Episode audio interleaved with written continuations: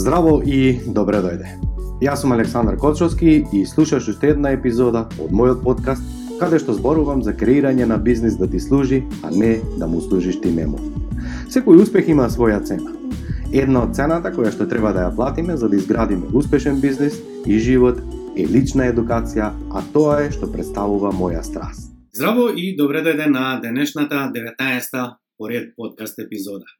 Во денешната епизода сакам да споделам неколку мисли кои што мислам дека и така како веќина пари и тоа се мисли кои што повеќето клиенти, односно учесници на мастермен програмот кои што на почетокот доаѓаат ги имаат, но се почесто забележувам дека и останатите луѓе со кои што имам прилика да комуницирам, кои што ме следат по социјалните мрежи или без разлика еве YouTube или а, на на преку овие подкаст епизоди, туку забележувам во преку комуникација со нив дека ги вртат во нивниот ум да кажам на некој начин истите овие мисли кои што и како влијаат за развој и скалирање на нивниот бизнис. Првата најчеста мисла која што ја забележувам е кога велат луѓето мојот бизнис е различен. и ова никако апсолутно а, уште на самиот почеток сакам да искажам дека не постои различен бизнис и дека сите бизниси буквално се идентични. И еве како. Секој еден бизнис, без разлика што произведува, што продава, кој проблем решава, секој бизнис има сегмент на маркетинг и продажба, секој бизнис има производство и секој бизнис има финанси. И сега, Океј, ќе речеш да, а Александар ние немаме производство. Добро. Но, ајде да погледнеме што тоа значи производство. А, ако имаш маркетинг агенција, самата креир, самото креирање на содржини, без разлика дали е тоа текстуална, визуелна, аудио, видео, небитна, самиот тој чин на креирање е производство. Доколку имаш софтверска компанија и произведуваш софтверски решенија, Изготвувањето на тој софтвер е производство на решение. Сега, значи не мора да значи дека ако ние не произведуваме, не знам, алати, машини, опрема или или или храна, дека ние немаме во нашиот бизнис производство. Секој бизнис има производство. Освен ако се бави со купопродажба на материјали или на добра. Значи, купувам одредени артикли, и ги дистрибуирам преку продажба и дистрибуција на други клиент, а, клиенти секако. Сега, бизнисите се разликуваат, може би, односно да се разликуваат по начинот на кој што доаѓаат до нивните клиенти. Е, ова да. Дали доаѓаш до твоите клиенти онлайн или офлайн? Дали може би доаѓаш преку препораки или имаш, да кажам, кампањи? Дали може би доаѓаш до клиенти преку комерција? Дали доаѓаш преку директна продажба или на друг некој канал. Значи, тоа е разлика само на кој начин доаѓаш до клиенти, а не как дека бизнисот твој е различен од останатите. Еве како врв, да кажеме, на споредба, може да речеме дека мултилевелот е различен од останатите бизниси. Но ако погледнеме во суштината на мултилевел маркетинг, поентата е само на кој начин доаѓаат до клиенти. А, Олеснителна околност за луѓето кои што се бават со мултилевел е дека само на нив се очекува им предстои да се фокусираат на продажба и на градење на тимови. Значи, олеснителна околност име што тие не мораат да мислат на административни работи, на финансиски работи, на производство, на креирање на услуга, односно на, на тој производ, туку тие се на некој начин само дистрибутери на оние производи. Без разлика дали тоа се физички производи, дали се имагинарни, финансиски производи или небитно како. Значи, земи го зборот производ, не е воопшто формата битна. Е сега, значи, ако ти имаш мисла дека твојот бизнис е различен, апсолутно ја правиш грешката која што ја правив јас на почетокот и мојот бизнис на 2006 сгасна. 9 години, на, 2, на 19 години, буквално а, го започнав мојот прв бизнис, а тоа е аудио-видео сервис, каде што постоеше 9 години и токму згасна затоа што има вакви мисли.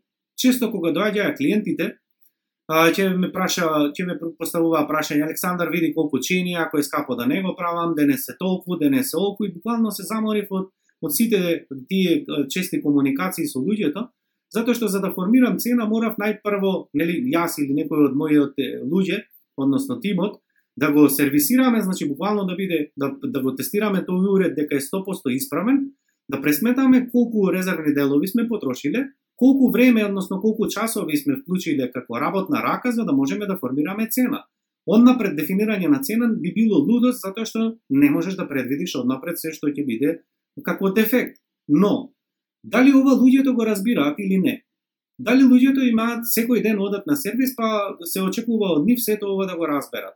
Логично дека не. Но секојдневната комуникација на некој начин фрустрира и кога ти не знаеш, односно јас во минатото кога не знаев а, како луѓето размислуваат, како треба да продавам, а, кога не разбирав ништо за психологија, со кои мисли се мачат, а, како луѓето носат одлука, кога ќе прашаат дали тоа прашање или нешто се крие позади тоа. Значи, јас немав никакви продажни вештини, мислев дека има верување дека само доколку нели се а, одвиваат работите брзо, честно, квалитетно и навремено, дека логично дека клиентите од препорака ќе доаѓаат. Но може би тоа било за друго време, но не и за тој период. Поентата е што јас исто така во тој период ниту знаев за системи, ниту а, имав систем како да вработувам луѓе, како да како да го подоб, ги подобрувам нивните знаења и вештини, односно како да управуваме нели со, со нашиот тим како би продуцирале повеќе резултати, туку јас често имав мисла, па кој денес сака да учи занает, па младите сите сакаат на компјутер, па сите сакаат да работат од канцеларија, види ги денешните сите студи одат на студии за не знам на финки или не знам каде, и тоа е може би и може би да, мнозинството на луѓе и размислувале на таков начин, но дали мене ми треба цела генерација од 10.000 студенти кои што ќе ги вработам или ми треба еден, двајца, тројца луѓе? Логично е дека нашиот ум, нашиот мозок знае да не однесе некогаш во генерализација, односно секогаш, и доколку ние сме ние свесни да поставиме малку поинакви прашања од типот на па чекај колку луѓе всушност мене ми треба. Дали постои некој друг начин како да јас да дојдам до луѓе? Дали на вистина на никој не е сака нели да да работи? Дали никој не сака да да научи занает? Или можеби а, може би да поставам прашање од типот, а како да го направам мојот бизнис да биде атрактивен и да биде привлечен за луѓето кои што имаат афинитети кон зенечиството? Како да го направам атрактивен за да можам да генерирам кадар? Како од сето тоа можем да направам успешна приказна? Како да креирам развоен пат за луѓето за да можат да се поистоиве истоветат нели со тој дејност, со таа дејност? Значи, за се е до какви прашања ќе се поставиме. Дали оставуваме прашања во ширина или деструктивни и доаѓаме до брзо пред заклучок и доколку нели сме постојано во оператива и сме под стрес, нели ние нормално дека не градиме здрава мисла и не расудуваме и не бараме решение, туку само го зацврснуваме она мислење кое што претходно сме го создале, поготово, поготово во нашиот круг ако имаме луѓе кои што размислуваат на идентичен начин. Само нели, ни даваат подкрепа дека нашето размислување е сосема окей. Следна работа е која што го забележуваме, луѓето велат, а, сето ова е Александар окей, но прво да ми легне, па подоцна ќе го имплементирам. И сега, што ми е интересно? Цел мастермен програм е буквално концепиран во 7 модули, да буквално преку кратки тренинзи, преку добро концепирани вежби, е насочен кон решавање на конкретниот предизвик за кој што е причината за која што дошол тој предприемач да го реши. Значи, не е формално образование, каде што ние се едуцираме за воиднина, нели, кога би се снашле, нели, со таков еден предизвик да го решаваме, туку поентата е веднаш да го решиме тој проблем. И сега што се случува? Како едни луѓе добиваат фантастични резултати, а некои чекаат не, нешто да се случи. Оние луѓе кои што постигнуваат резултати на мастермен програмот е што не му ја мислат многу, односно имаат здрави верувања кои што ги подржуваат и веднаш се пуштаат во акција. Види која е разликата. Кога ние ќе дефинираме план, кога имаме конкретни чекори, а тоа го правиме секогаш на програмот, како ме му било јасно и логично на секој еден човек, и ако немаме имаме илјадна прашалници во глава, сигурно дека нема да направиме акција. Значи, веднаш прави акција, од акцијата добива фидбек, што е тоа што било добро, што е тоа што не функционира, од оваа акција, од фидбекот кој што ќе го добиеме, го менторирам и јас и луѓето од околина кои што имале такви искуства, го менува планот и веќе следниот пат има пати 2, пати 10, пати 100 подобри резултати. И ова е суштината. Колку за пократко време ќе направиме што повеќе активности, кои што логично е дека нема да завршат сите со плод. И ако погледнеме во статистика, моја или твоја, доколку забележуваш, ќе ви забележиш дека дури 80% од активностите завршуваат со со јаловост, односно не вродуваат со плод, но оние 20% кои што ќе завршат со плод се сосема доволни. Сети се само дека кога се сее нива, дека ја сееме со вреќа, а подоцна полниме амбари. Во таа вреќа има и за картови, за птици, и за и, и ќе скапат и, и, и се. Но доволно е само 20% од она, да кажем, нели, вреќа која што сме, сме, сме го фрлили она семе, да вроди со плод. Зошто ние очекуваме дека секоја една акција мора да вроди со плод позитивен според нашите очекувања? Зарем не учиме и од оние работи кои што не носат, кои што не донеле резултат? Тоа е суштината. А не сега ќе чекам, па некогаш ќе имплементирам, и кога? Па кога ќе заврши програмот, па не можам да те менторирам. Или а, кога исто така луѓето на овој начин ме конзумираат, без разлика дали ги добиваат информациите преку а, да кажам на YouTube, преку кратките видеа, на овој начин подкаст или семинари, вебинари, небитно, поентата ми е да ги пренесам оние знаења, вештини, мисли кои што ги имам, за да некому му служат. Оти, логично и мене ми е јасно дека од луѓето кои што ме следат, нема сите да ме бидат клиенти, А логично е дека и еве сега на пример уписот за мастермен програмата е завршен. И сега што зарем нема да пласирам корисни информации бесплатни за да некому му помогне да може нешто да примени од сето ова што го зборувам, нели? Тогаш би немало никаква смисла. Но што прават најчесто луѓето? Ќе го слушнат ова, ќе добијат идеја, ќе запишат таа идеја и ќе остават за некогаш. за когаш е прашањето. Следна работа која што ја забележуваме ќе речат а, за кого да правам системи кога сме мала фирма. И, и секогаш ми е смешно кога ќе слушнам ова и им го поставувам прашањето, а доколку и ти се чувствуваш дека твојата фирма е мала, ќе ти го поставам истото прашање. Мала во однос на што? Ние од мали сме научени, од мали нозе, сме научени да се споредуваме. И сега, ако имаш 10 години и се споредуваш со некој кој што има 70, да, во ред си, ти си малав. Но ако се споредуваш со некој кој што има 3 години, ти си голем. Логично дека ако ти твојот бизнес го споредуваш со некоја корпорација, со некој светски гигант, дека твојот бизнес е малав. Но ако се споредуваш со некој стартап, може би и твојот бизнес е фантастичен. Ако се го споредуваш во смисла на промет, на, на број на вработени, секако дека ти ќе пронедеш разлики. Дури и да е идентичен бизнес во идентична индустрија, се да е идентично ти ќе пронајдеш разлика. Ако твојот фокус е на разлики. Но поентата е следна. Кога ќе помислиме дека ние сме мала фирма, секогаш да ја пресечеме на време оваа мисла, оти најчесто ние генерализираме. Поентата е веднаш да си го поставиме прашањето. Мали, да, во ред, но во однос на што? Во однос на која друга фирма јас се споредувам? Следна работа е и каде е поентата. Наместо да се споредуваме со другите компании, Ние ништо не знаеме за нив, ниту како дошле до тамо, нити кои им се аспирациите во иднина, со тоа па и ништо не не значи за нашиот бизнис. Наместо тоа, поентата е да направиме развојна стратегија, да креираме во нашиот ум и јасно да, да нацртаме на хартија, како нашиот бизнис сакаме да играм, да, да, да го изградиме и кој е тој конечен готов производ кој што сакаме да го креираме. Ако ние креираме готов производ, поентата е што ние веднаш треба да започнеме да имплементираме системи. И третата точка е уште првиот ден да се однесуваме како личноста која што го поседува тој коначен готов производ. Сега, дали твојата аспирација и визија ќе биде компанија која што работи на три континенти, која што има 10.000 вработени, направиш системи за сите вчинители долгорочно кои што ќе ги вклучуваш и патем ќе го развиваш тој бизнес, но и се однесуваш како личноста која што веќе поседува таков бизнес, е клучот за побрзо да успееш.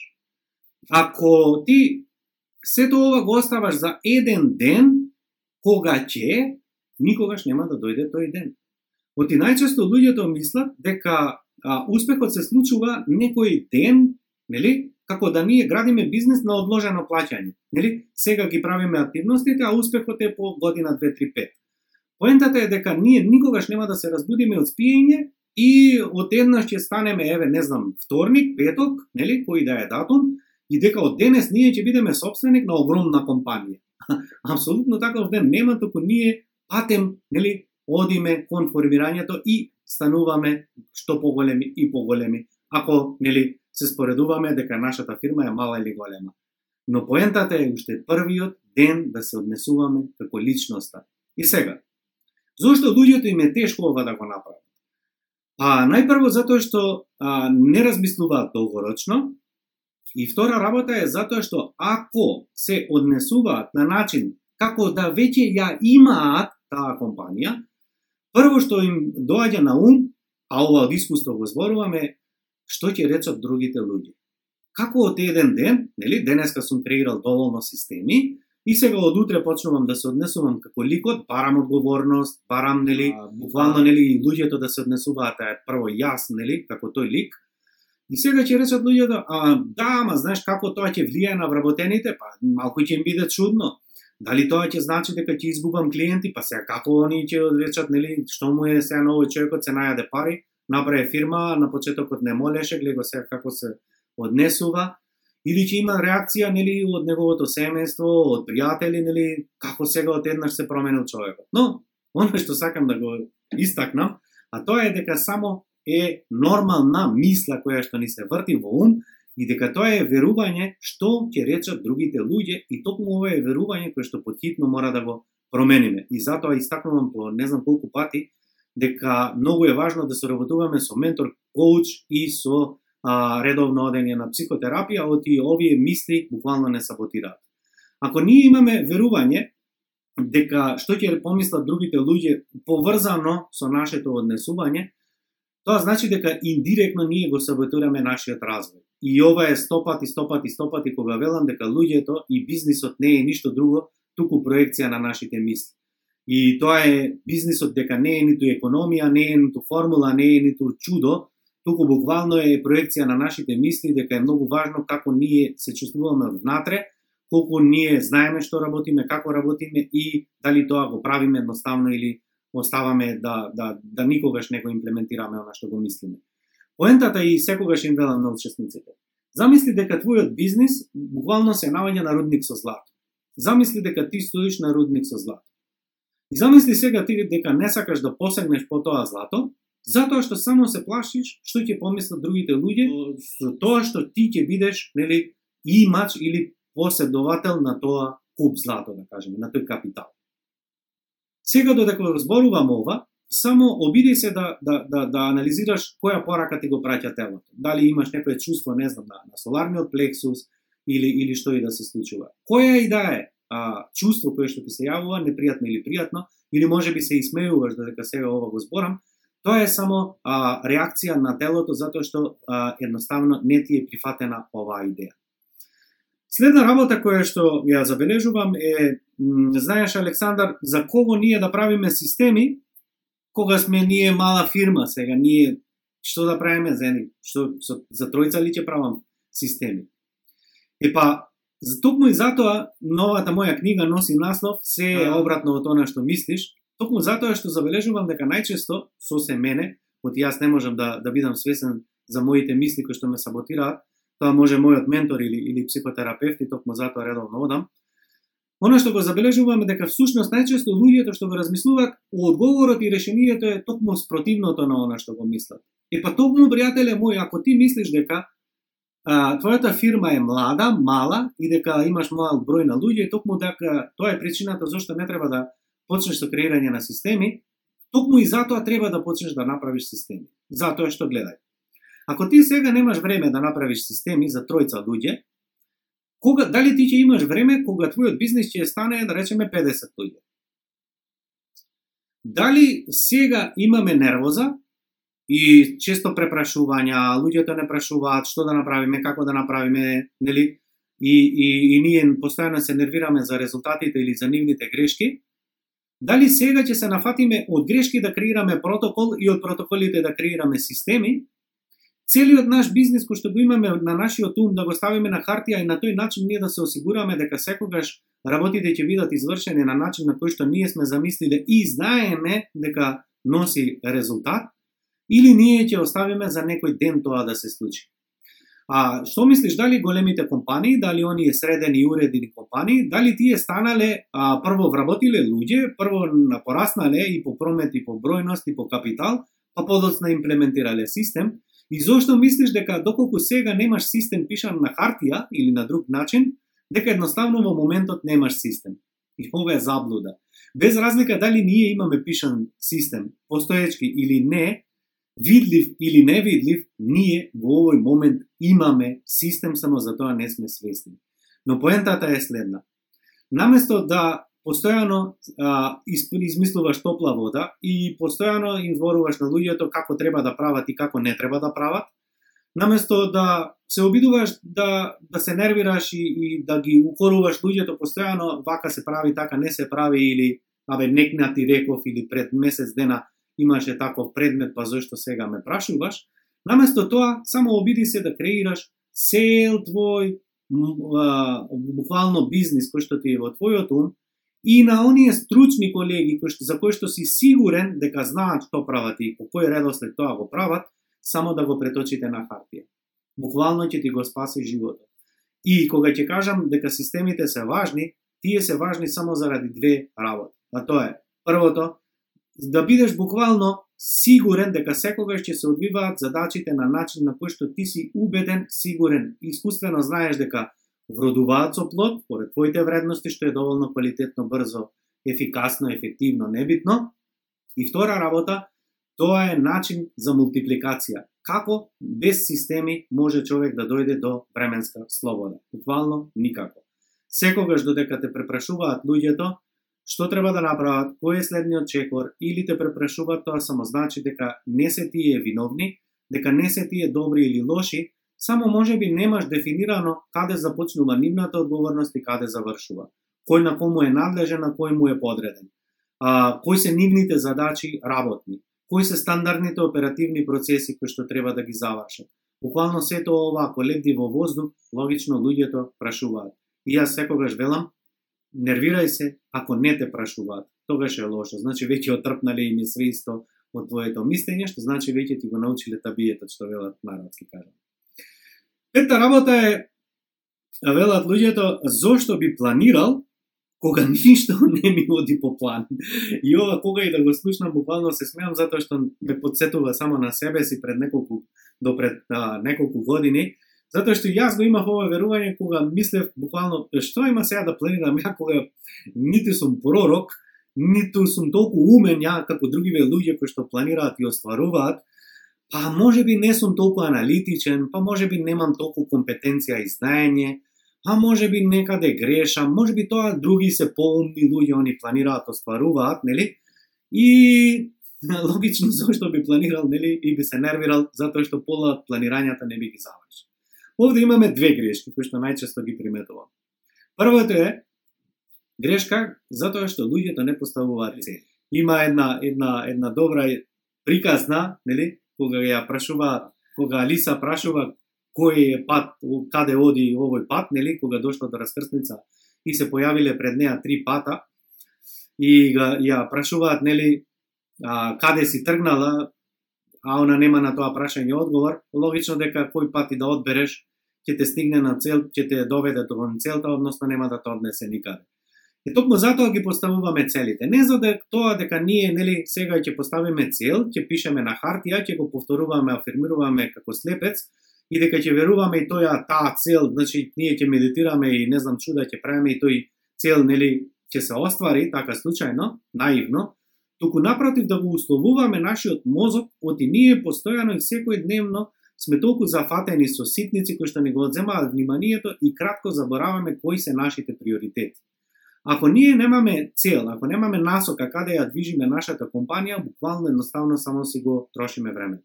И логично е дека нема што да планираме. Следна работа е не правиме планови заради предвидувања дека 100% ќе се случи на тој начин и дека доколку не се случи ние не сме способни, Или ако правиме планирања дека ние сме нели буду маѓоничар или не знам каков човек со не знам надпросечни способности, туку напротив го правиме планирањето заради планирањето. Еве сега ќе објаснам што тоа значи. Кога правиме планирање, вклучуваме процес на размислување. Што треба да превземеме како активности што ќе се не осигура да дојдеме до остварувањето на таа цел. Таа цел може да биде извршување на една задача, како да речеме снимање на оваа подкаст епизода, а може да значи градење на куќа, тоа може да значи 50% раст на продажба, небитно. Значи, а, што сакаме да постигнеме. Поентата е таа, додека ја размислуваме како да стигнеме до таму. Да размислиме кои предходно активности кои што сме ги правеле донеле до резултат. Дали имаме готов процес, дали имаме готови процедури кои што ги следиме. Доколку немаме, да седнеме и да размислиме како тие активности ќе вродат со плод, но и да размислиме да поставиме индикатори што може да тргне наопаку доколку нешто нели не се појави на патот, за да можеме да предвидиме. Значи токму планирањето го правиме заради размислување. Што е клучната трета, односно втора точка, а има и трет дел од сето Вториот дел е следен. Таа цел да ја уситниме на колку можеме поситни парчиња. Ако јас денеска само во мојот календар стоеше сними подкаст епизода, јас сум 100% убеден дека таа подкаст епизода немаше да биде снимена. Зошто? Затоа што постои уште еден микрочекор, а тоа е да седнам и да размислам за што ќе зборувам. Уште еден чекор на која тема ќе зборувам, кои точки, како која порака сакам да ја пренесам, која вредност да ја дадам, кој повик на акција ќе следи после оваа подкаст епизода. Значи има многу работи кои што треба да ги размислам, а доколку ги превидам, затоа што јас сум искусен снимач на подкаст епизоди, може многу брзо и лесно моја, моето его нели, да, да ме донесе, да кликнам, да ја снимам оваа подкаст епизода, за на крајот да сватам дека или не сум го кликнал, па сум зборувал во празно, или може би сум зборувал во ширина, па тоа не било вредно за моите клиенти, може би сум заборавил да направам по, овај да, да, да, да искажам повик на акција или што и да. Значи, милјада микро процеси кои што доведуваат да овој подкаст биде успешен, ја пренесам пораката и биде вреден да слушнеш и примениш или едноставно ќе биде наивно. Ако јас не предвидам во кој период ќе го снимам овој подкаст, дали сум по а, смирен а, и, и поспособен за да го да пренесам јасно и гласно оваа порака, дали тоа е на гладен стомак или најаден, дали сум примил доволно течност или ми се суши грлото, дали тоа е подобро а, во утрото или на вечер да биде. Значи, ако не ги земам во обзир сите овие чинители кои што влијаат дали ова подкаст епизода или активност, односно цел да биде направена како што треба, односно според моите вредности и сваќање што е доволно квалитетно и добро, или не, буквално едноставно сигурно дека нема. Значи, вториот чекор е да го уситнеш на толку микро мали делови, каде што ќе ти биде смешно да не превземеш акција, но и на тој начин ќе имаш јасен временски показател и интервал кога тој ќе биде почнат, а кога ќе биде завршен. Следна работа, ако и не биде завршена таа цел и не биде постигната, барем ќе имаш јасен увид доколку го примениш третото правило, а тоа е да ги запишуваш сите а, чекори при планирање. Е, ова е поентата на планирањето. Дали нешто сме планирале добро или не. Но како ќе знаеме? Кога ќе превземеме активност и кога ќе видиме дали сме ги примениле сите чекори кои што сме ги предвиделе или сме се обиделе да одиме на линија по линија на помало отпор. Дали добро сме ги предвиделе или не. Дали нешто функционира или треба нешто да промениме, автоматизираме, подобриме или како и да е. Значи, што е клучот на планирањето? Па планирањето ни дава кога следен пат ќе направиме иста или слична активност, да можеме ласерски прецизно, добро квалитетно да ја извршиме истата таа активност и да се осигураме дека ќе биде најдобро завршено. Значи, ние нема никогаш, никогаш, во голема мера ние нема да ги постигнеме планирањата да ги оствариме како што сме замислиле. Но сети се дека, кога сееме пченица, кога сееме, сееме со вреќи, а полниме амбари. 70-80% од активностите кои што ги превземаме не вредуваат со плод и тоа е окей. Но оние 10-20% кои што ќе дородат со плод се сосема доволни да ги оправдаат оние јалови активности кои што сме ги правеле предходно. Токму затоа е клучнот да планираме на хартија, да се обврземе дека ќе ги уситниме толку глупо смешно да да мораме да ги направиме да активностите, како би можеле следниот пат да видиме дали функционира, што функционира, што не функционира, а не да генерализираме, еве јас не знам да планирам, па што ако планирам кога не вродува со плод, од мене нешто не бидува, јас не знам за продажба, јас сум лош у маркетинг, јас сум лош у не знам што, сето тоа се генерализирање, затоа што не знаеме во која конкретна точка ни треба подобрување.